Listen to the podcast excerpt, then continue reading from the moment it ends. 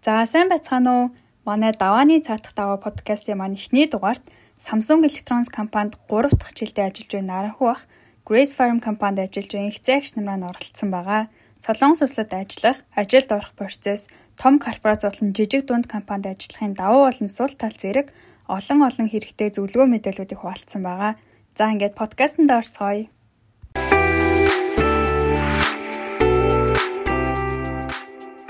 За сайн байцгаана уу. Дагуу ажлынхаа хажуугаар бит хоёрын урилгыг хүлээж авсан хоёртоо маш их баярлалаа. Тэгээд хоёр маань өөрсдийгөө танилцуулах уу? За. Тэгээд энэ шинээр эхэлж байгаа подкастаа өрсөнд баярлалаа. За намайг Түшин Жагалын Наранхуу гэдэг.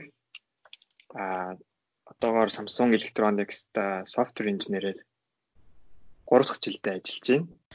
Сайн байна уу? Энэ өдрийн мэндийг хүргэе.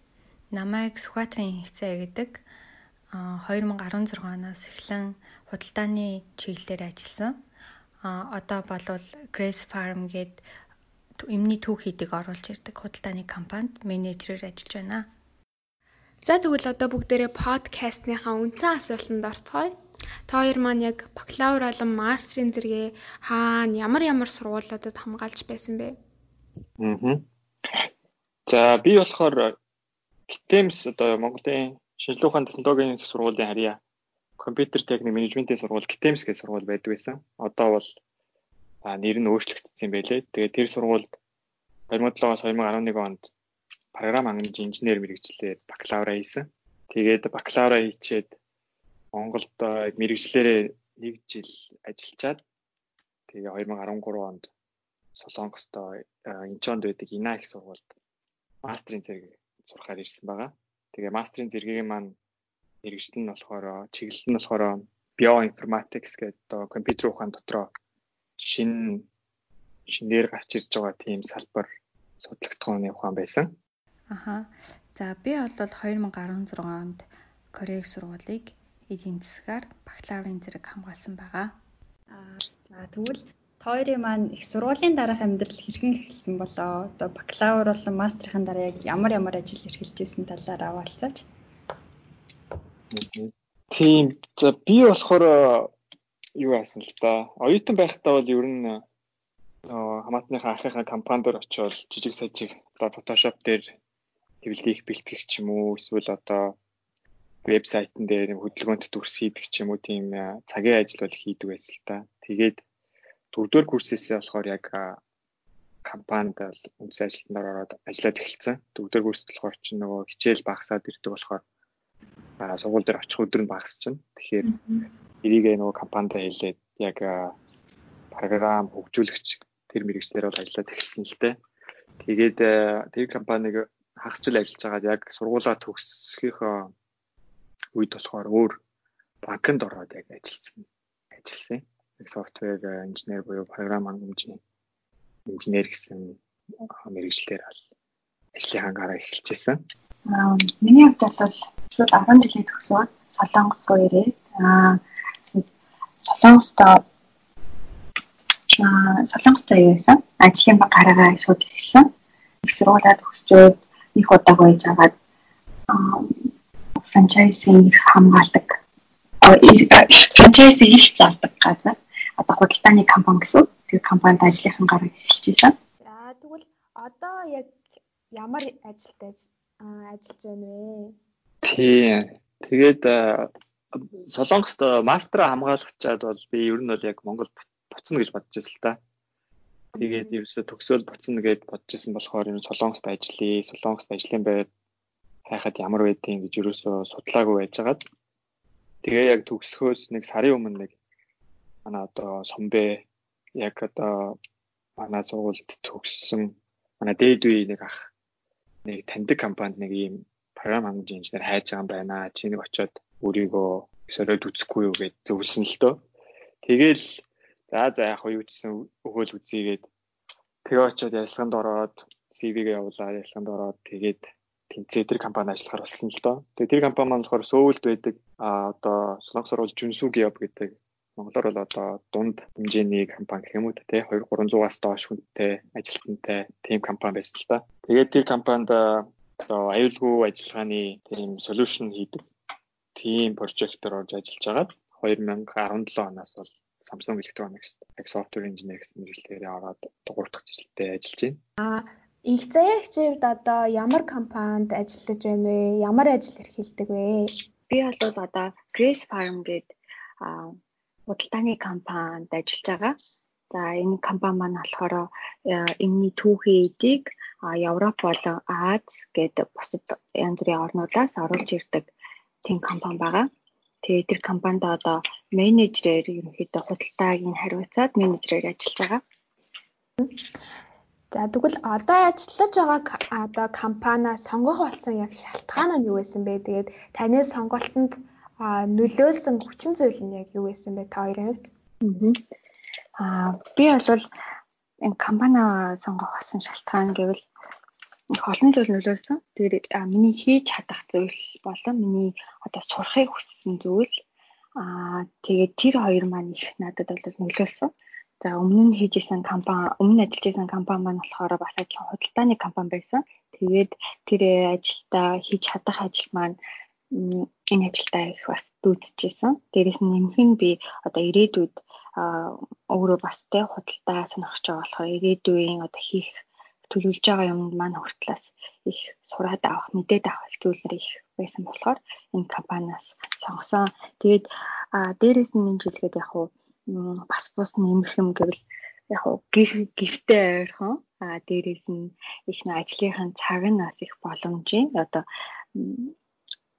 нэг ачаалал одоо их биш тийм шалтгаанууд бас надад нөлөөлсөн.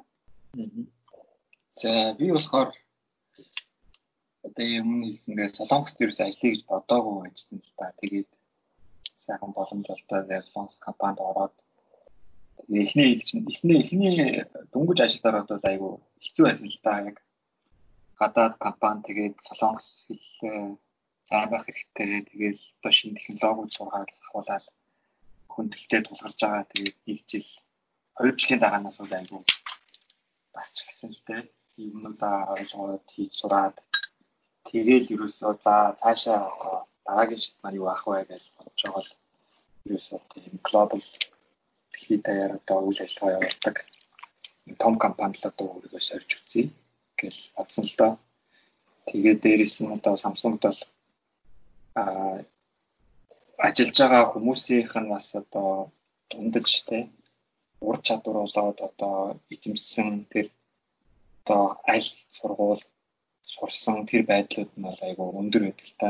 Одоо юу гэхээр Солонгост ажиллаж байгаа Солонгосын Samsung Electronics-ийн Солонгос дахь одоо төв оффист нь ажиллаж байгаа инженерүүдийн бол ер нь их дийлэнх нь Америкт бакалавр магистр хамгаалсан хүмүүс байж байгаа.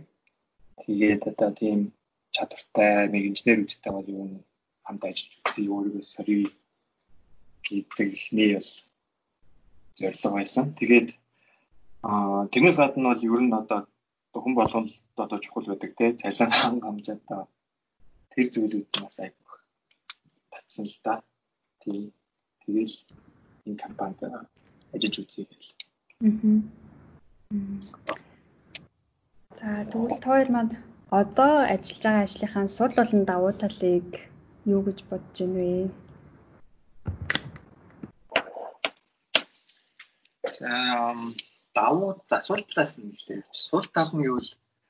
А ийм одоо Samsung Electronics ч юм болохоор за Samsung Group маань өөрөө дэлхийд дээр нэг 500 мянга орчим элчинтэй гэж явж байгаа. Гэхдээ тэрний ихэнх нь бол одоо retail буюу одоо худалдааны ажилчид бол дийлэх буй гэжэлдэг.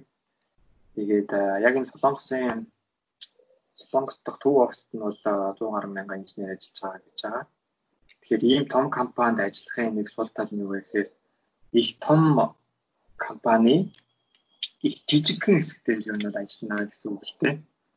Одоо нэг жишээлбэл одоо Samsung Electronics-ийн одоо бүтээгдэхүүнээс хамгийн хүмүүс сайн мэдэх нь бол одоо гар утас байж байна. Тэгэхээр гар утсыг бүтээхийн тулд тэрэн дээр бол хэдэн 100000 инженер ажиллаж байгаа гэж үзэхээр аа маш жижиг нэг деталь хэсэг дээр нь ажиллана гэсэн үг л дээ.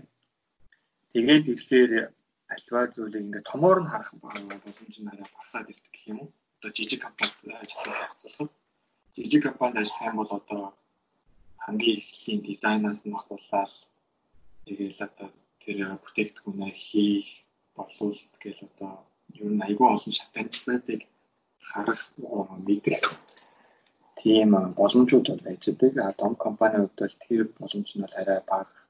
А түүнээс гадна одоо эндээ ажиллах тусам удаан ажиллах тусам бол ер нь айгүй нарийсаа явна гэсэн үг л дээ.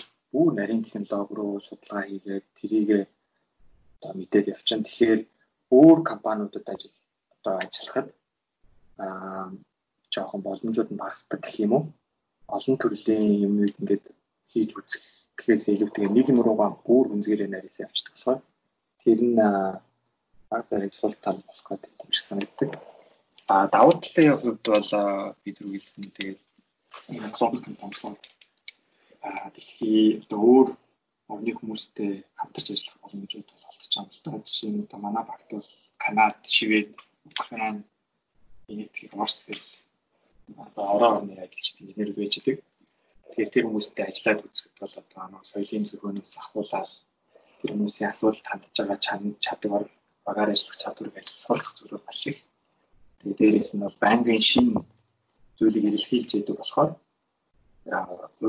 дээ. Банкын шинийг суралцаал тэгэл тийгээ судалгаа хийгээл явдаг болохоор нь бол маш том давтал болж өгдөг. Тэгээд түүнээс гадна бол өөр альч компани ингээд ажилд орё гэхэд бол хүлээн зөвшөөрөгдөх боломж нь бол өсч өгч байгаа юм л да. Энэ компаниг аваад ажиллаад ийм юм зүйл хийсэн байна. Тэгэхээр нь бол өөр компанид бол илүү хүлээн зөвшөөрөгдөг. За миний хувьд бол тийм өсөж буй компанид одоо жижиг ийм компаниуд ажиллахад бол аа сайн талаас нь ихтэй дээрвэл их одоо бүх юмн дээр яг өөрийн гар бие оролцдог болохоор их олон зүйлийг сурч авах юм шиг санагддаг. Тэгээд одоо одоо жишээ нь худалдааныхаа тэр одоо бүх бүх одоо хариуцж байгаа ямар нэгэн асуудал үүссэн ч бай асуудлыг одоо шийдвэрлэх аа дээрээс нь худалдаатаа одоо олон олон одоо оронтой харьцаж байгаа болохоор тэр болгонд төвчөг баримтыг одоо орчуулах гэх мэт ингээд бүх жижиг деталь деталь болгонд нэг оролцож байгаа болохоор их олон зүйлийг сурч авах нь их давуу тал юм шиг санагддаг.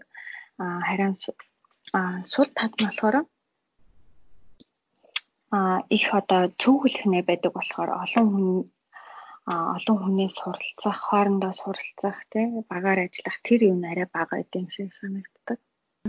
За нэмэлтээр нэг юм асуухад наранхах маань сая нөгөө нэг яг удаан ингээд том компанид ажиллаж байгаа болохоор яг нэг жижиг хэсэг дээр төвлөрөөд ажилладаг гэсэндээ тэгвэл одоо яг нэг хэсэг дээр нь ажиллаж агаад өөр нэг хэсэг рүү ингээд одоо шилжээ солио гэвэл одоо хэр боломж үйд юм бол компани дотор юу? Тийм. А компани дотор бол тэр нь бол бүрэн боломжтой. Жилдээ нэгээс хоёр удаа яг одоо энэ ажиллаж байгаа чиглэлээ өөрчлөх тийм боломжууд гарч ирдэг. Тэ өөр прожектууд маань өөрсдөө танилцуулаад за манайх ийм зүйл хийж байгаамаа. Энэ сонирхолтой байвал одоо манад ингээ орж болноо гэдэг өөрөө хийж байгаа төслүүдэд танилцуулдаг. Тэгээд тэрэнд ажилчид маань өөрсдөө харж танилцж байгаа. За би ерөөсөө хүний нөөц сонирхолтой байна. Хүний нөөц рүү ажил ажиллаж үзье эсвэл чиглэлээ өөрчлөлт ажиллаж болдог. Одоо тэгж ажиллаж байгаа хүмүүс бол манай төсөл аюу байдаг л та.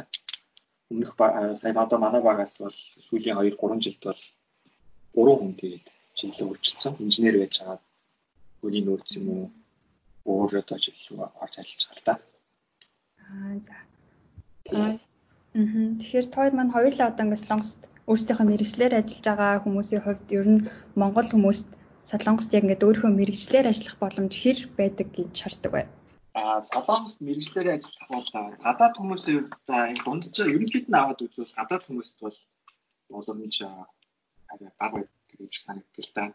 Солонгосуудад маань Солонгос хүмүүст хүртэл ажлын байраа олоход бол хэцүү байдаг.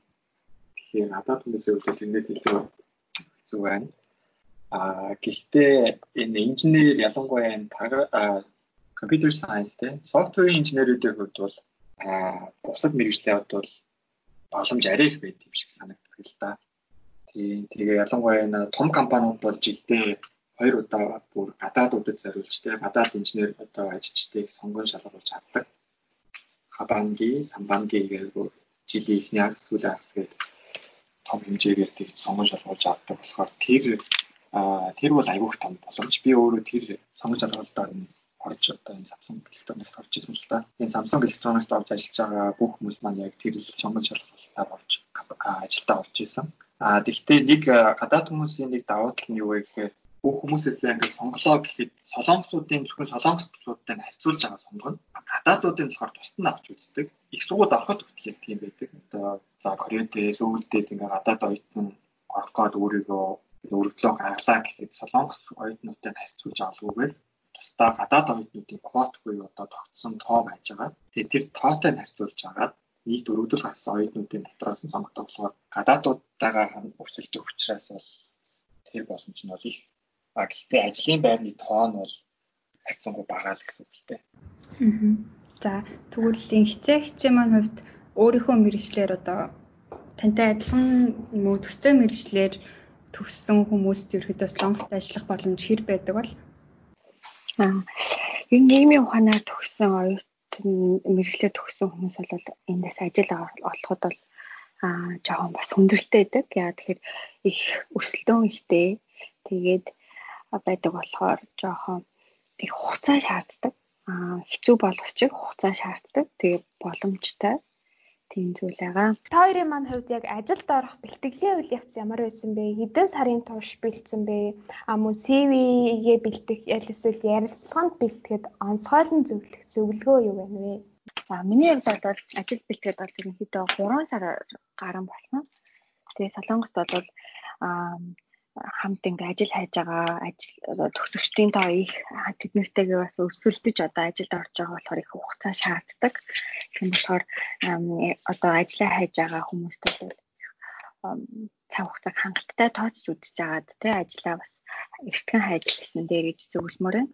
Аа бас дээрэс нь ярилцлагын хувьд бол миний хувьд бол их одоо олон компаниудад ярьцлага одоо хүмүүсийг өгөөрэй гэж зөвлөмөр. Ягаад тэгэхээр тэр тэр дундаас яг өөрийгөө би яаж яривал бас одоо өөрийгөө яаж илэрхийлвэл нөгөө хүнгээ сайн ойлгуулж чадчих байгаа өөрийнхөө чадах юм а яаж сайн илэрхийлэх вэ гэдгийг яг зүгээр өөрөө ганцаараа бэлтгэхээс илүү тэр олон хүмүүстэй ярилцах ярилцах одоо явцтай их сууж авдаг юм шиг санагдсан.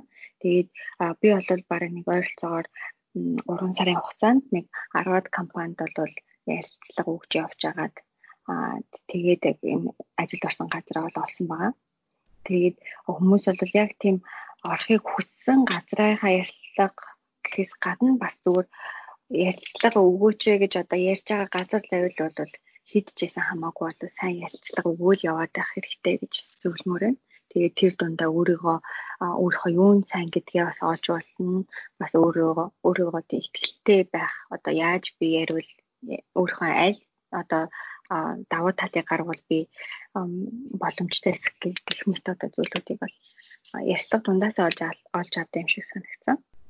Аа тэгээд CV-ний хувьд бол мэдээж одоо өөрийнхөө чаддаг тий бас нөгөө хүнийг уншаад ойлгоо шууд ингээд олон зүйлийг нуршаагүй Аа тэгсээрнээсээ өөрийнхөө яг гол поинтыг гаргасан, юу хийж чаддаг, юу хийж сурсан.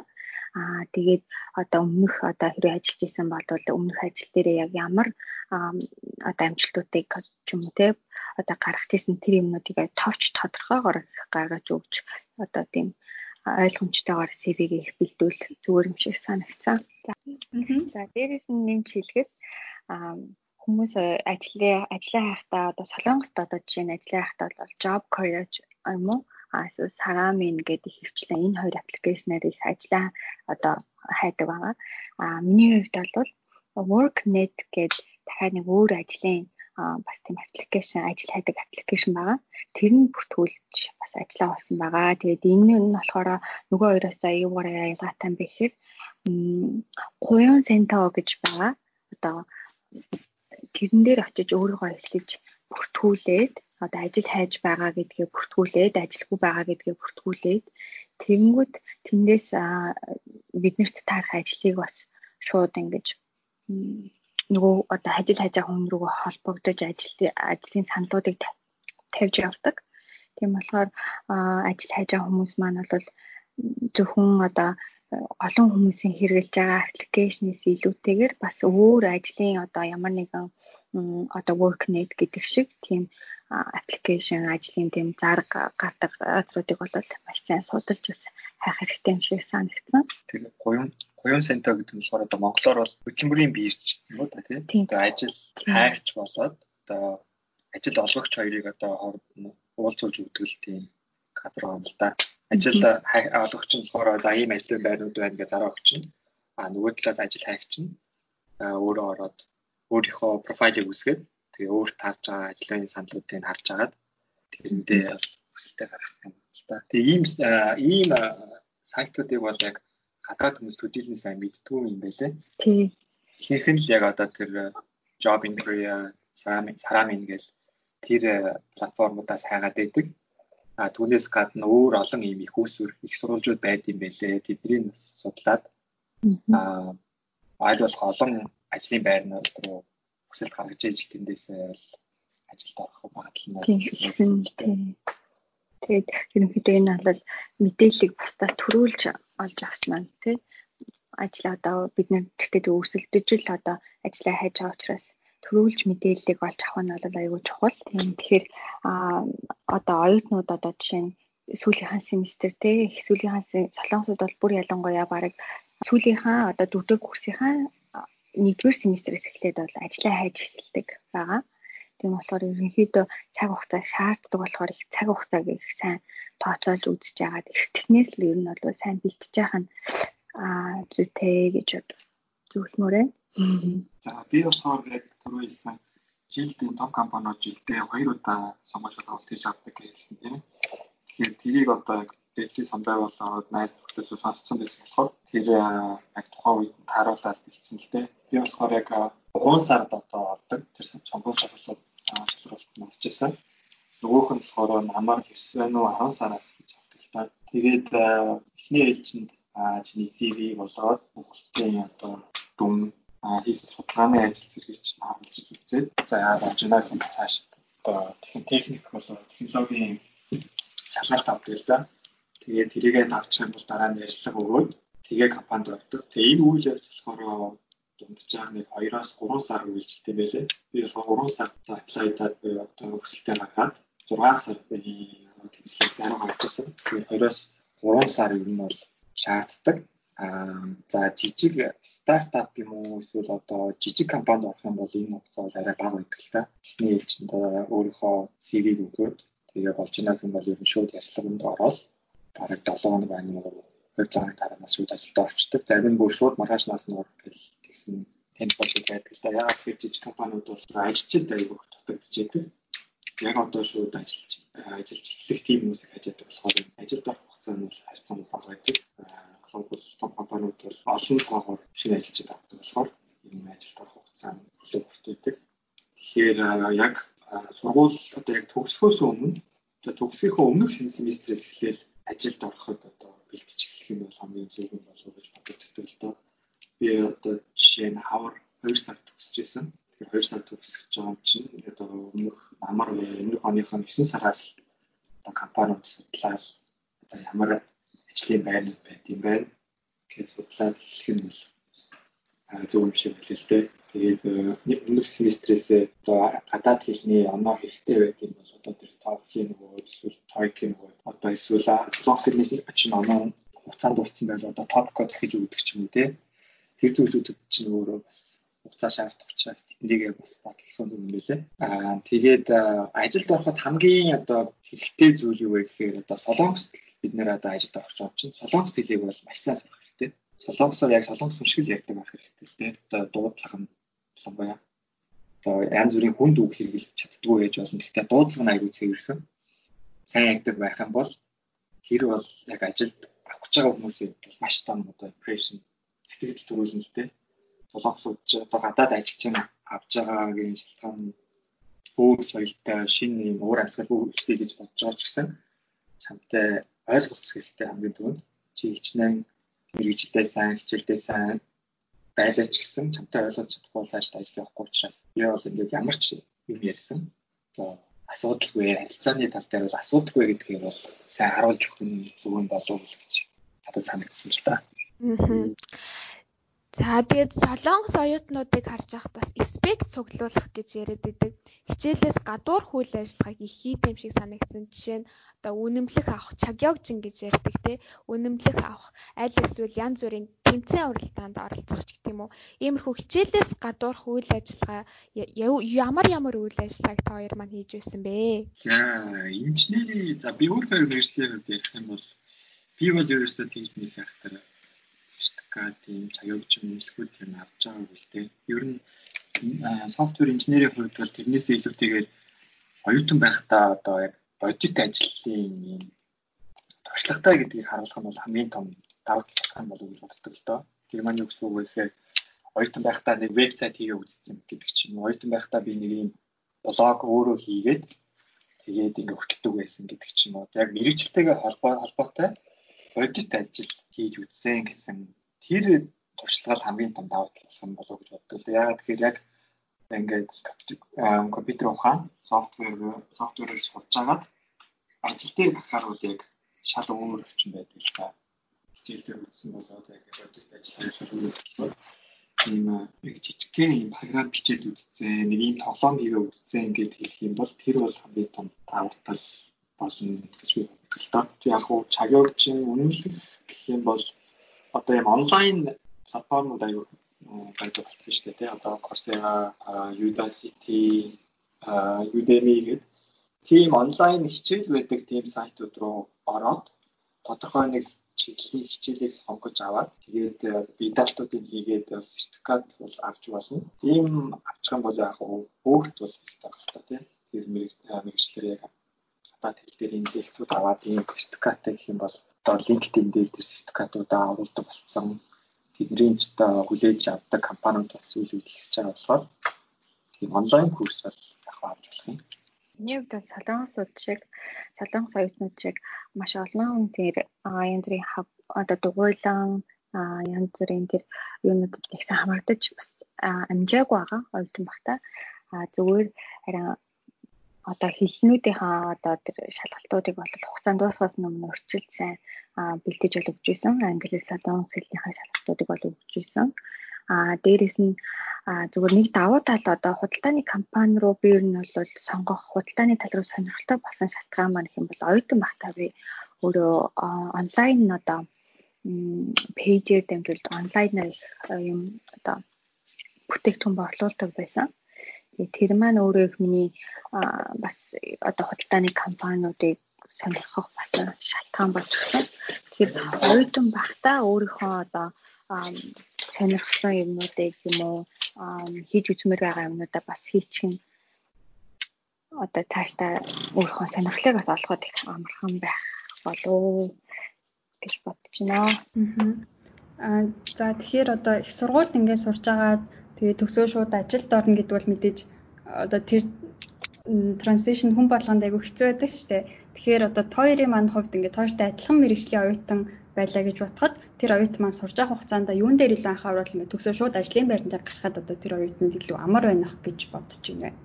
Монголын за Монгол солонгосын хувьд гээд хугацаан дээр болоо гэж бодчих л та. За Монгол гэх юм бол би түрүү хэлсэн яг оюутан байхдаа дагаж нэг жижигхэн вебсайт хийгээ үзчих хэрэгтэй. Нэг жижигхэн програм бичээд үзчих хэрэгтэй. Тэгээд тэр програм одоо Google Store, App Store байршуулад ийм ийм хүмүүс татаад аваа хэрэглээ үзсэн гэдэг ч юм уу тийм туршлага бол маш том давуу тал болно. Тэрийг яг ажлынхаа ярилцсан дээр ярих нь бол маш том давуу тал болно. Аа за солонгосын хувьд бол бид нэр гадаад хүмүүс учраас хамгийн нэгдүгээр нь оюутан байхдаа тэр хэлийг нь бол маш сайн сурах хэрэгтэй. Солонгосын хэл бол ялангуяа. За англи хэл бол ойлгомжтой. Энд сурахын гадаадд сурахын тулд англи хэлээ мэдээж шалгалт болоод англи хэлний оноо авсан байж таараа. Тэгэхээр англи хэл бол хажуугаар нь бол судлаагаад явчихна. Хамгийн нэгдүгээр солонгос хэлээ маш сайн сураад сайн ярьдаг болох хэрэгтэй. Аа тэрнээс гадна бол хичээлийнхаа дүнг бол болж өгөл гайгүй сайн гаргацсан зүйл дөө. Яагаад тэгэхээр солонгос солонгостой хүмүүс ажилд одоо ингээд орох гээд өргөдлөө гаргаж байхад тэр чамтай ярилцж байгаа хүмүүс чамаас юу гарах вэ гэхээр чамайг сайн мэдэхгүй учраас чиний хэл хэрэгсэл сурсан байна гэдгийг чи харна. Тэгэхээр энэ үнтэй би ажиллавал хэр ойлголцоо гэдгийг чи харна. Хоёрдугаар хичээлийн чинь дүнг харна. Тэрүүгээр дамжуулж яг хичээлийн дүн чиний хэр сайн сурсан бэ гэдгийг 100% илэрхийлэхгүй ч гэсэн чиний хэр хичээсэн бэ, хэр зүтгэл гаргасан бэ гэдгийг чинь бол илэрхийлж байгаа. Тэгээ ялангуяа солонгос бакалавр сурахад бол дүнгээ сайн гаргана гэдэг бол айгүй хэцүү байдаг гэж сонслоо да. Би өөрөө бакалавр сураг болохоор одоо найзуудаас аюул сонсч байсан бакалавр дүн авах ч одоо нөгөө юу харьцуулж дүн авдаг ч тийм нэг ангиас бол бүгд сайн хийсэн ч гэсэн зөвхөн одоо 10% л онц аавна 20% л онц аавна одоо 30% нь би аавна гэдэг ч юм уу тийм. Тэгэхээр аюул хөрсөлтөө байдаг болохоор тэрийг солонгосууд мэдчихэж байгаа. Тэгээд чи гадаад хүн хүртлөө дүнгээ сайн авсан байна гэх юм бол тэр бол чиний хэрэг хичээл зүтгэл гаргасан бэ гэдгийг чинь бол хангалттай илэрхийлж чинь Аа тэгээ хоёрдугаарт өөрийнхөө онцлогийг бол одоо үзчих хэрэгтэй л дээ. Одоо чамайг яагаад энэ компани авах юм бэ? Чи солонгос оюутнуудаас юугаараа даваад талтай юм бэ гэдэг асуултыг бол айгүйх асууна л да. Яагаад би чамайг авах хэрэгтэй юм бэ? Солонгос хүн байгаад чиний солонгосуудаас даваад чи юм юм асуулт. Тэрэн дээр бол өөрийнхөө даваад тал гэдгийг бодоод үзчих хэрэгтэй. За тэр нь жишээлбэл юу яаж болох вэ гэхээр за миний хувьд бол ингээд Монголоос ирсэн байна. Тэгээд Солонгост сурсан. Аа тэгээд Солонгос хэлийг бол маш сайн эзэмсэн. Аа тийм болохоор би бол одоо Солонгос сурж ажиллаж байгаа гадаад хүн ч гэсэн би одоо энэ глобал одоо олон төрлийн соёлын одоо соёлд ингээ амьдраад үтцсэн учраас ийм global mindтэй би бол солонгос хүнтэй ч ажиллаж чадна, өөр орны хүнтэй ч ажиллаж чадна. Тэгээд дээрэс нь гадаадд ингээм амьдраад үтцсэн туршлагатай гэдэг ч юм уу тий өөрийнхөө тэр солонгос хүмүүсээс ялгарх зүйлээ бодож олоод тэрийг дээгээ одоо юу гэж хариулах вэ гэдэг бол бэлтгэсэн байх нь зөв биш санагддаг л да. Тэгээ дээрэс нь бол солонгос хүмүүсийн хувьд нэг юм нийтлэг шин чанар байгаа шүү дээ тий. Одоо юу гэдэг аа шууд ярьдгүү жоохон тойруулж ярьдаг ч гэдэг юм уу тий. Тэнгүүд чи өөртөө нэг тийм амсдаг зүйл бий болох хэрэгтэй л дээ. Жишээ нь би бол одоо хэлж байгаа зүйлээ шууд хэлцдэг юм шулуухан ярьдаг гэдэг ч юм уу. Эсвэл одоо заавал юмыг лавшруулж асуудаг ч гэдэг юм уу тийм нэг өөрийнхөө онцлогийг бол олж аваад тийг харуулах юм юм болов уу Тийм ерөнхийдөө наргуусаа ихэнх нь ярьчлаа. Тэгээд нийгэмч хэлэхдээ бол бас бид нэр одоо жишээ нь гадаадд сураад тэгээд тухайн орондоо тасан цогцох гэж бас их одоо олон зүйлийг давж гарч ирж байгаа тий. Тэр одоо өөрийнхөө яг тэр одоо туулсан юм а ч юм уу өөрсдийнхөө яг тэр хонцлогийг одоо одоо орох гэж байгаа компанида сайн давуу тал болгоод их яриад өгчүүл их зүгээр санагдсан.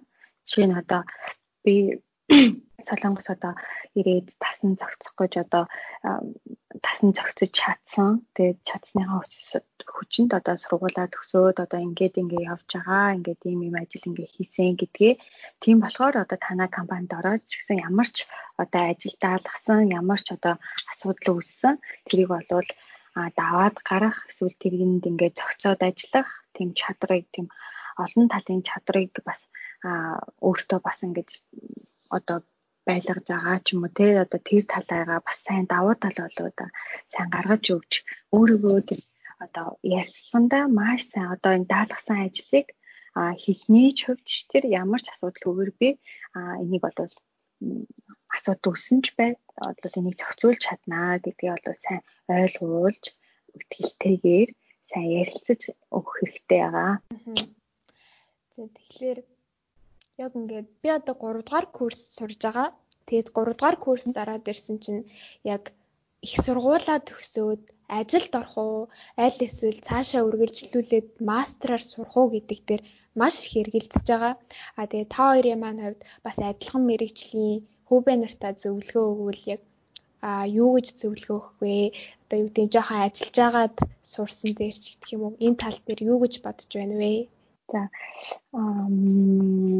яда яг төгсөх курсынхаа да хүмүүс зөвлөлчилгээд а шууд ерөнхийдөө ажилд орсон нь а зүгээр юм болов уу гэж бодож байна. Яа тэгэхээр ажилд орсныхаа миний хувьд бол бас адилхан бакалавра төгсөөд шууд ажилд ороод Тэгээ ажиллах хугацаанд би өөрөө ямар тал одоо ямар тал руу илүү их гүн одоо магистра хийх зүгээр байна. Эсвэл би өөрөө бас ямар сонирхолтой юм байна.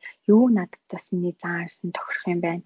Миний хийж чадж байгаа бас зүйл маань өөрөө бас юу байна гэдгийг ажиллах явцдаа бас би аюу олж өөрийгөө бас их таньсан болохоор ажиллаад үзээд тэгснийхаа дараа магистра өгн мастера хийчүүлэх зүгээр санагдсан.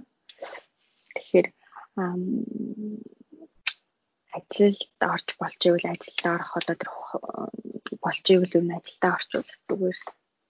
Сайн. Миний хувьд бол тийм би ч гэсэн яг төгсөө бакалавр төгсөөд яг ажилд орё гэж бодож байсан л да. А гэхдээ яг эргэлдэж байгаа бол аль альний төвшөөд үзсэн үзэхэд бас их алдахгүй байх гэж бодож байна л да. Одоо цааш мастер сурах юм бол одоо хамгийн сайн сургууль дэлхийн хамгийн сайн сургуульд нь лайтраад өглөө хараад үзье. А зэрэгцээгээр нь бас өөрөө хүсэж байгаа компанид бас өглөө хараад үзье. Тэгээд хэрвээ хоёулаа тэнцчих юм бол яг тэр үе дахиад бодож болох юм л та тий. А эсвэл зөвхөн сургуульдаа тэнцээр ажилдаа тэнцэхгүй юм эсвэл ажилдаа тэнцээр сургуульдаа тэнцэхгүй байх юм бол яг тэр үед бол сонгоход олон амтнаас авч шүү дээ. Тэр а би бол энэ үед бол одоо аль нь амархан байна тэрнийх нь нөгөөдхийн сонгосон дээр юм болов гэж боддог л да. Одоо юу гэсэн үг вэ гэхээр би одоо мастер төгсчөөд Монгол явах уу энд ажил авах уу гэж бодож ирсэн гэдэг үйлсэн тий. Тэгээд Монгол явах бол хизээч явж болно шүү дээ тий. Орн руу бол ер нь за за юм буцаад авах юм бол хизээч буцаж болно. Аа энд ажилд орё гэдэг чинь өөрөө нэг төрлийн бас нэг сорилт болоо байгаа юм л да. Тэгэхээр юу ч гэсэн сориод үзье, үзээд алдъя. А болвол тэр үед дахиад шийдвэрээ гаргая гэдэг тийм байдлаар шийдвэр гаргаж ирсэн. Тэгэхээр аа аль алийг төвшиж үзээд тэндээсээ сонголтоо хийлж бас болох юм. Аа тэгэхээр наранхуу ах маань Монголд ажиллаж исэн гэсэндээ тэгэхээр одоо ингээд Солонгост ажиллаж байгаагаа ингээд бодоход Монголд ажиллаж исэнтэй харьцуулахад ер нь нэг өөр санагддаг зүйл байдаг уу? Бүх юм нь өөр шүү дээ. Аа Солонгос тий орчин хүмүүсийн харилцаа гээл үйл хариуцлага гээл бүх юм өөрлөлтөө аа яг мэрэгчтэй холбоотойгоо яриад үзэх юм бол аа солонгост бол илүү юмыг өргөн хүрээнд авч үзэн л дээ. Илүү өргөн хүрээнд өгөөд гүнзгий авч үзэн нэг зүйл үг гэхээр за нэг систем хийя гэж бодъё л да тийм. За нэг Facebook шиг систем зүгээр жишээ аваад ярих. Facebook шиг систем хийя гэж бодоход Монголд За бүх хүнийг оролцуулаад 3 сая хэрэглэгчтэй байх боломжтой. А Солонгост бол 50 сая хэрэглэгчтэй байх боломжтой. Тэгэхээр тэр системийг 50 сая хүн хэрэглэдэг системийг 3 сая хүн хэрэглэдэг системийг хоёрын хувьд бол маш том ялгаа гарна. А тэр бол одоо мэрэгжлийн талаас бол маш их зүйл тийм. А компани өөр амьсгалын хувьд бол Монголд байгаа ажиллахад Монголд бол ажил дээр аягүй их тийм найз, татны найз аягүй үүсдэлтэй. Манайхан чинь тэгээ ялангуяа тэгээд одоо монголчууд хооронд ажиллаж байгаа болохоос тэгдэг байж болох юм. Их гоё найз нөхөрлөдөг ажлын гадуурч гэсэн юм найралцаатай байдаг. Аа Солонгос компанийн хувьд бол ерөнхийдөө ажил бол ажил аа амьдрал бол амьдрал ажил амьдралын ялгаа бол илүү гарч зүгт юм болов уу гэж боддог.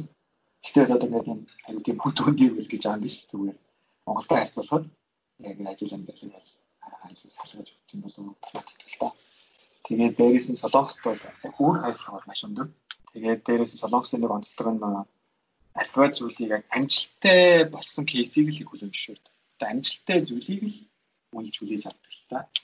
Тийм болохоор цаа нэг судалгааны ажил хийлээ, нэг ажил хийлээ гэхэд би нэг ийм төвшөөд энэ бол ингээ үр дүнгүй болсон ч гэсэн би ийм ойлгож авлаа гэхээс илүүтэйгээр ийм юм хийсэн чинь энэ ингэж сайжирч байна гэж ярих нь илүү цаашаа илүү хүлээн зөвшөөрдөг гэх юм уу. Тэгээд тэр утгаараа солонгосууд бол айгүй шаардлага өндөртэй. Тийм perfectionist одоо нэг төгсөх хэв зорддог гэх юм. Тийм хүмүүс ажлын байр гэсэн тийм айгүй мэдрэгддэг. Аа. Тэгвэл тойрт маань одоо ингээд солонгост ажиллаж байхад солонгос хүмүүстэй хамтраад ажиллахад ямар нэг хэцүү санагддаг зүйл байдаг уу? За солонгос хэл чинь өөрөө жоох юм юу штэ. Айгүй солонгос хүмүүс яаж шулуух хэл гэж жоох тойр үеч юм гэдэг л да. Тэгэхээр заримдаа анх бол яг юугээд байгааг нь өсөө ойлгодог байсан. За чи нэг энийг ингээ хийчихвэл зүгээр юм уу гэж хэлж байгаа нь ингэж хий гэсэн үг байдаг ч юм уу тий. Одоо монголчууд бол чинь үгүй наадхаа өнөөдөр өдөр хий гэх монголоор хийж болох юм одоо солонгосоор ирүүлээрээ өнөөдөр хийчихвэл зүгээр юм болов уу гэдэг ч юм уу тэгж хийж тохиолдлууд байдаг. Тэгэхээр тэр нь бол анх би сайн ойлгохгүй байсан л та. Надад зүгээр зөвхөн өгч юм гэж бодоод байдаг байсан. Тэгсэн яг үнэтэй нь надаас шаардж байсан зүгээр болж өгдөг ч юм уу тий. Жохон тойроогаар ярьдаг юм шиг анх санагдчихсан. Одоо бол тэдний ингээд ойлгохтой болохоор асуудал байдаг л тий.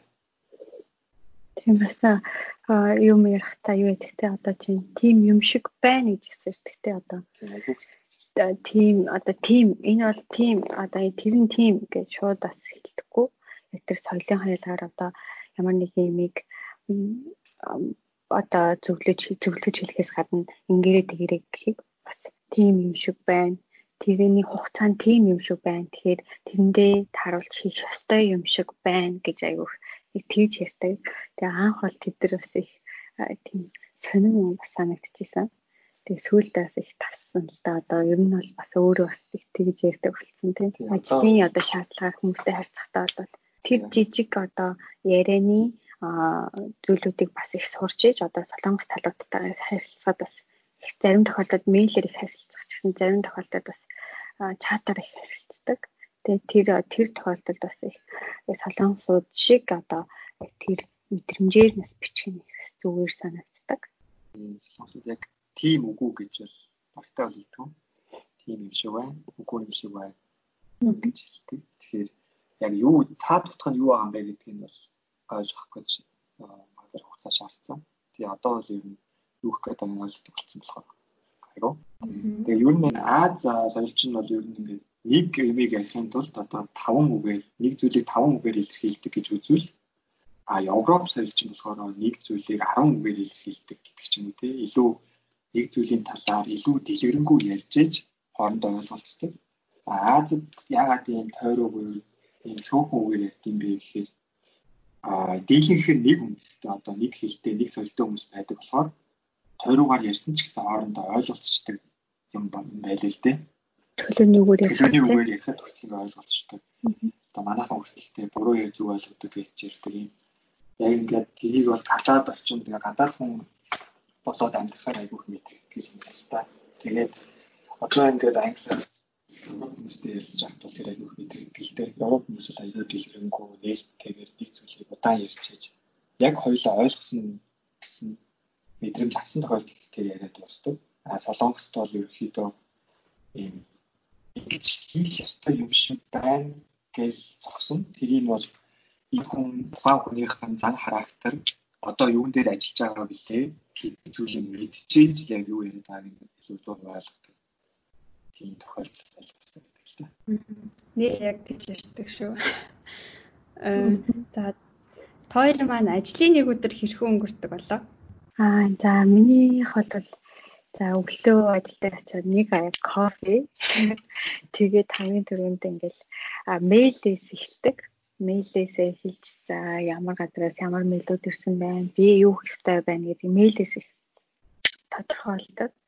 Тэрнийхэн дагуу одоо өдөрт хийх одоо to-do list-ээ гаргаа гаргаад тэгээд нэг өдрөө бол яг тэр to-do list-ндээ амжуулаад яг дуусгадаг. За би болохоор а марафонта ажлын цаг бол яг заавал 9-6 хононд ажиллах хэрэгтэй гэсэн зүйл байдгүй.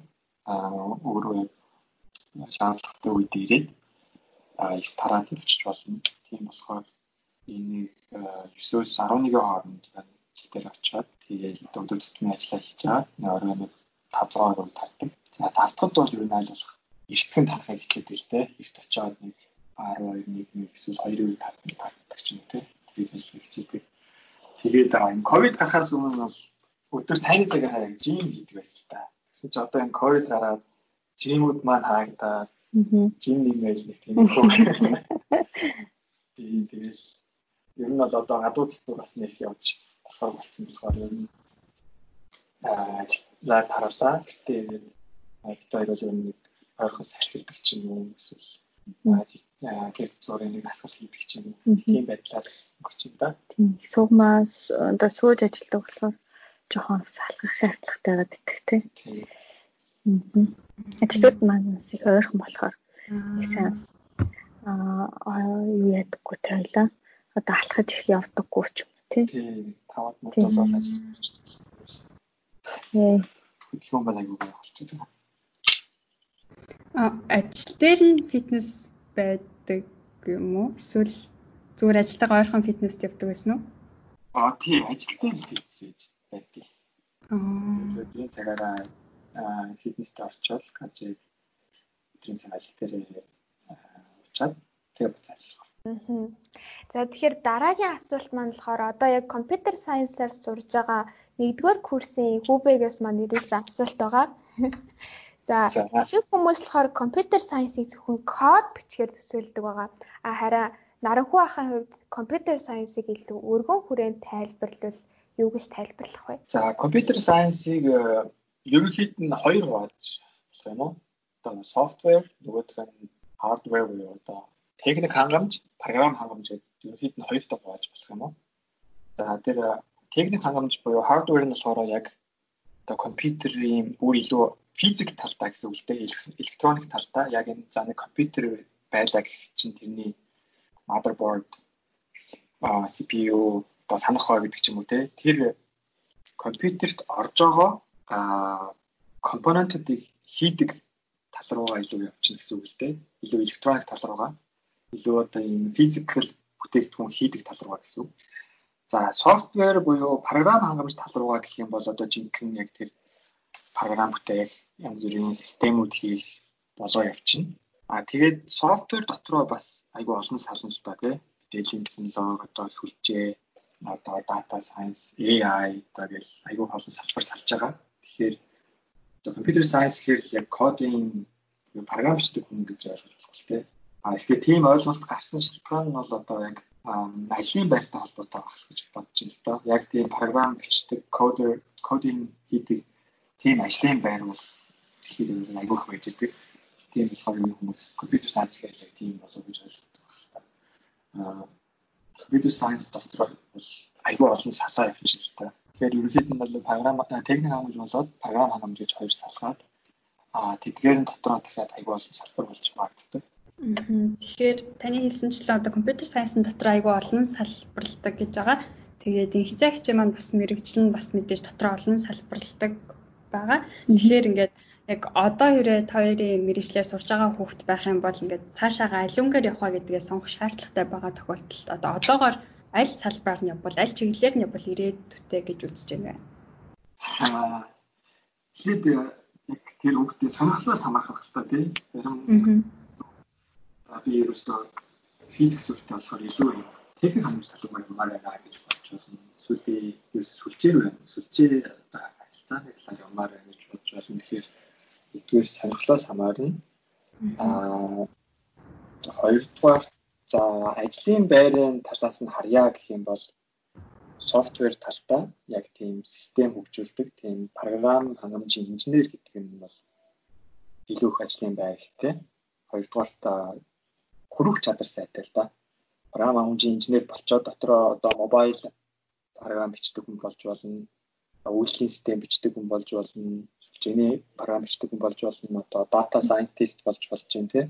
Тэгэхээр дотроо хөрөх чадвар сайтай болохоор хөрөх чадвар сайтаагаас гадна ажлын байрны олдоц а дээрээс нь үнэлэмж тий цалин хангамж одоо үнэлэмж талаас авч үзвэл софтвер инженер нь илүү ирээдүйтэй болов уу гэж хэлэх байна да. Гэхдээ нэгдүгээрт бол нь сонирхол сонирхолтойгоо уялдуулж тэр шийдвэр гаргах хэрэгтэй. Миний хувьд ч гэсэн ерөнхийдөө яг тэр тухайн үеийн яг сонирхол их чухал юм шиг санагдчихэв. Тийм одоо ирээдүй бас ирээдүйтэй мэрэгжлийг сонгохоос илүү яг өөрийнхөө сонирхол онцлогоос онцлог таарсан зүйл рүү бас судлаад үзсэн дээр юм болов уу гэж бас зөвлөмөр байна да. Тийм. Яг одоо чинь одоо миний мэрэгчлийн хувьд бол их нийгмийн ухаан гэж байгаа тийм. Тэгэхээр бас их олон төлөв рүү хуурч болдог болохоор яг тэр сонирхлондоо таарсан одоо тэр зүйл рүүгээ хуурахад амархан болохоор тэрийг сонгоорой гэж бас боломгүй юм шигтэй одоо ажилд орлоо гэхэд тэр тал одоо мэрэгчлэр орлоо гэхэд дахиад ирсэн дахиад сонирхол нь өөрчлөгдөд хуурж бас болох болохоор ерөөдөө тийм хүний яг тэр яг онцлог сонирхол нэг чухал юм болов. Сонирхлоо бас сайн олж мэдэхгүй байвал өөрийнхөө тэ юун дээр аль чиглэлүүгээ сайн байна. Аль хичээл дээр би сайн байгаа юм бэ? Алийн би ялтрахаа сурч чинь сайн чадж чинь гэдгээ бас анзаарах юм. Тэрнээс чинь одоо чиний сонирхол бас хамааралтай байдаг баг л та. Аа би бас яг асуух жилээ ингээд сонирхлоо яг мэдгүй байвал яах вэ гэд тэгээ наранхуу ах маань маш гоё хариулж өглөө. Бас дээрэс нь манай профессор надад ингэж хэлжсэн. А үнэхээр яг дуртай байгаа маань мэдгүй болвол өөрийгөө тэр салбарт одоо хүч сараад үз, интерншип хийгээд үз, одоо янз бүрийн бас прожект хийгээд үзгээ хэлжсэн. Та хоёрын маань хувьд их сургуулийн одоо амьдралынхаа турш ямар интерншип хийжсэн бэ? Тэгээ интерншипээ олоход бол яаж олох арга байдаг вэ? Одоо яг манай компьютер сайенсаар сурдаг хүүбэ ч юм уу яг асууж исэн л та яг яаж интерншип солонгост олдгийн болоо гэж. Аа за би интерншип болохоор солонгост хийж байгаагүй л дээ. Мастерт шууд сурсан болохоор лабораторид бол судалгааны ажиллаа хийсээр байгаа л харсан. А гэхдээ судалгааны ажил хийж байхдаа одоо өөр олон улсын конференц одоо уулзалтанд бол өөрийнхөө судалгаагаа явуулаад тэгээд Герман тэмцээд Австралид очиод конференцтайг оролцоод илтгэж итгэл тавьжсэн л да. Тэгэхээр мастер оюутнуудын хувьд бол тийм олон улсын конференцт явж үзэх нь бол айгүй зүгээр юм болов уу гэж боддог. Тэр тухайн салбартаа одоо нэг хүндтэй эхний одоо 5 муу 10 конференц байлаа гэхэд тэднэр лөө одоо юу сольж үзье, аплайж үзье гэж бодох хэрэгтэй л дээ. Аа бакалаврын хувьд гэх юм бол би Монголд байхдаа нэг интерн хийжсэн. MCS Group-ийн MCS Electronics гэдэг компани байсан. Одоо IT зам болоо гарсан. Тэр компанид би урдаар хүрч байхдаа нэг дэлхийн оюутан авнаа гэсэн зарыг хараад яг очиод орж исэн л доо. Тэгэхээр дадлагын хувьд бол яг адилхан тэр ажлын зар гардаг сайтууд дээр ер нь хамт явждаг юм байлээ л дээ. Үндсэн ажилтны юм уу, цагийн ажилтны юм уу, гэрээт юм уу, дадлагч оюут юм уу гэдэг төрлөөр ингээ хуваачдаг болохоор тийм ажлын сайтуудаас ороод харахад бол татлагын оюутнуудын тийм боломжууд байж байгаа. А ялангуяа LinkedIn юм уу тийм том портал сайтууд руу орох юм бол тийм зарууд бол айгүйх байж байгаа. Ялангуяа Солонгост байж байгаа тийм олон улсын глобал компаниуд Microsoft, Google гэл тэр компаниуд бол айгүйх нэтээр нь авдаг. Тийм болохоор тийм сайтууд руу бас орж үзэх нь зүгээр ах. А бүр болохгүй бол их сургуулийнхаа одоо сайн таньдаг профессороос хүртэл асууж болно шүү дээ. Профессор их сургуулийн профессорууд бол ийм хувийн компаниудтай айгүйх харилцаатай байж идэг. Аа тэгэхээр хувийн компаниуд тэр их сургуулийн профессоруудаараа судалгаа хийлэгдэг тийм хамт төгсөл хийдэг болохоор айгүйх танилтай байдаг болохоор тэр профессороосоо би ингээд ийм батлах хийх гэсэн юм аа тань таньж мэддэг хүн байна уу тий гэд хэлэхэд бол буруудхан байхгүй л гэж бодож байна. Тий. Яг нархуугийн хэлж байгаа бол яг тэр ажил хайж байгаа тэр сайтуудад бол өөрийнхөө профайлыг үүсгэж явахдаа а ямар одоо жишээ нь одоо байнгын ажил юм уу, гэрээт ажил юм уу тэр юмнуудыг нөөц тийм сонгодог одоо категоритой байдаг байхгүй юу? Тэгэхээр одоо интерны интерны хайж байгаа бол тэрийг сонгоход бол тэнтэй холбоотой бүх мэдээлэлээр гарч ирж байгаа болохоор тэр юунаар аппликейшнуудтай бас яг ямар төрөл хайж байгаагаа оруулаад өгчих зүгээр юм болов гэж бодож байна. Тэгэхээр хоёр маань сая түрүүн бас хэлсэндээ ажилд орох одоо тэр процесс амар удаан үргэлжилдэг гэд нэлийн хэдэн сар болдог гэд. Тэгвэл одоо ингээд яг нэг орохыг хүссэн газараа орч чадаагүй чадаагүй тохиолдолд гэд нэг тийм дуртай биш ч гэсэн одоо тиймэрхүү газараа ажиллах талаар хоёр юу гэж боддог вэ? Зүгээр ингээд ажилгүйгээр хүлээх хэрэгтэй болов уу эсвэл ингээд өөр нэг дуртай биш ч гэсэн бас туршлага хөрвүүлүүлээ явж байгаа зүг болов. За миний хувьд бол яг энэ ажилд орохоос өмнө бас нэлээд хайж явж байгаад нэг хурдталдааны бас нэг газар орсон л доо. За яг хоо юу н ажил хайж байгаа юм чин зүгээр орчиж бодоол би тэг нэг сонирхолгүй байна гэсэн ороод тэгээд бараг 14 онс байсан тий. Тэгээд яг тэр маань л зүгээр цаг хугацаа алдсан зүйл болсон л доо. Яг сурсан зүйлхээсээ илүүтэйгээр а одоо тэр сурах үйл явц чинь бол тий сар 2 сар ч юм уу нэг жоохон хугацаа шаарддаг. Тэгээд тиймэрхүү цаг үрсэн юмнууд бол бас бүр өөрөө бас нэг өөртөө таалагдахгүй газар бол бас дэмий юм шиг санагдсан нэг. Тэгэл яг л олон газруудад уудаж явж байгаа л тэр дунд олон газар байх тусам тэндээс эргэж хариу авах нь ядаж 2 ч юм уу тий 3 ч юм уу болж эхэлнэ. Тэгээ тэр дундаас аяг өөрийнхөө таалагдсанаа сонгосон дэрх гэж би өөрийнхөө туршлагаас бол хэлэхэд тийм бай. Тийм. Одоо яг жишээлбэл би бол одоо за софтвер инженерээр ажиллана гэж бодож байсан одоо өөр ажилд одоо орчуулагч ч юм уу тийм ажил байна гэж орчих юм гэдэг ч бол бас жоохон дэмэл багтаа. Тийм яг өөрийнхөө ажиллахыг хүсэж байгаа компанидаа зориул орсон бодох байх л та. Цаг хугацааны өдөрч тэр дээрээс нь одоо туршлага юм суралцах. Сэтгэл санаа нэгдэж гисэн нэр. Хүссэн юм байгаа л зорьсон болж байна. Аа. За тэгэхээр дараагийн асуулт маань компьютер сайенс судлан эдийн засагтай хослуулж давхар мэрэгжил хий гэж бодож байгаа оюутнуудаас цөөнгүй байдаг. Тэгээ энэ оюутнуудаа ямар мэрэгчлэрээс давхар мэрэгжил хийвэл зүгээр юм бэ гэдэг тал дээр зөвлөгөө өгвөл хоёр маань юу гэж зөвлөх вэ? За, миний хувьд бол яг би гэхдээ яг яг давхар мэрэгчлэрээ сураагүй. Яг эдийн засгаараа яг сурсан байгаа. А гэхдээ зүгээр сүүлд ингээд бодоод тахад аа ер нь хууль руу бас хуультай давхар мэрэгжил бас байчвал нийгмийн ухааны мэрэгжил хуультай их зохицсон юм шиг надад бас санагддаг. Аа яа тэгэхээр угаасаа л бид нар одоо ямар нэгэн ажил одоо нийгмийн ухааны хүмүүстэй ажил яалаа гэхэд чинь бүгд л одоо хуулийн хүрээнд тий бүх үйл ажиллагааны явдаг болохоор хуулиа мэдчихэвэл илүү их амар юм шиг надад санагддаг.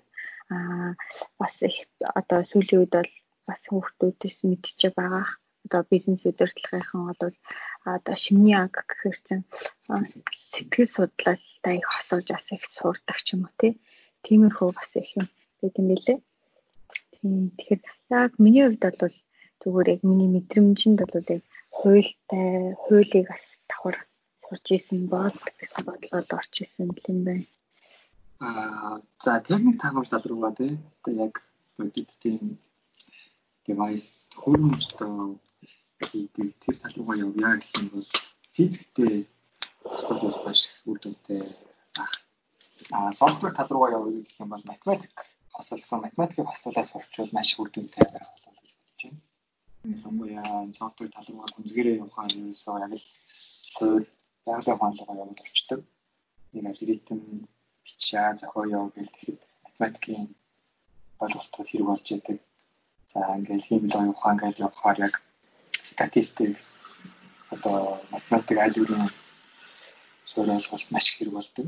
Тийм болохоор тэр хоёр байгалийн ухааны санал болох байна.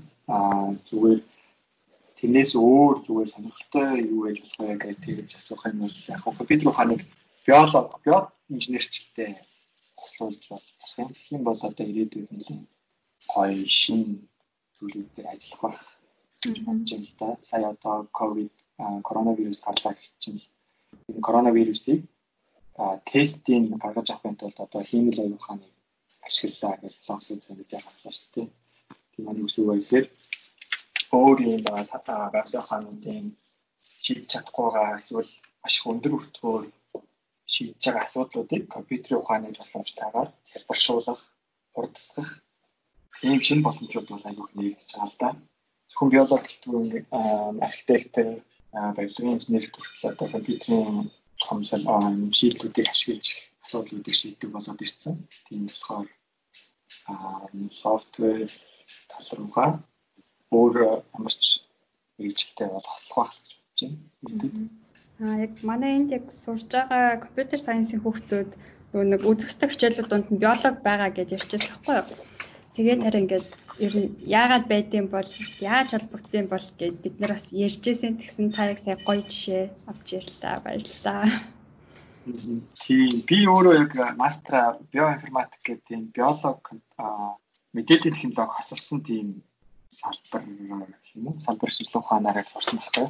Тэгээд энэ юунд хэрэгтэй юм бэ гэхээр одоо шинээр эм бүтээх тийм шинэ имчилгээ бүтээх эсвэл одоо заавал хүний гаргаар биш компьютер өөрөө энэ хүний одоо энэ эрдэнэтгэн зургийг хараад ямар хүний эрдэнэтгэн зураг шинжилгээний шинжилгээг хараад энэ хүн одоо хорт алдартай нэггүй байна гэдгийг бол тодорхойлдог болоод ирсэн байгаа. Тэр тийм болгодог болохын тулд энэ биолог компьютерийнхаа хоёрыг хослуулж хийж та. Тийм болохоор бол айгүй ирээдүйд тийм сонирхолтой ажлууд бий болох байх гэж бодож байна. За дараагийн асуулт маань болохоор хоёрын мэрэгчлэлтэй холбоотой сүүлийн үеийн сонь сайхныг одоо ямар сонь сая сэтгүүлээс авах боломжтой байдаг вэ? Санал болгол.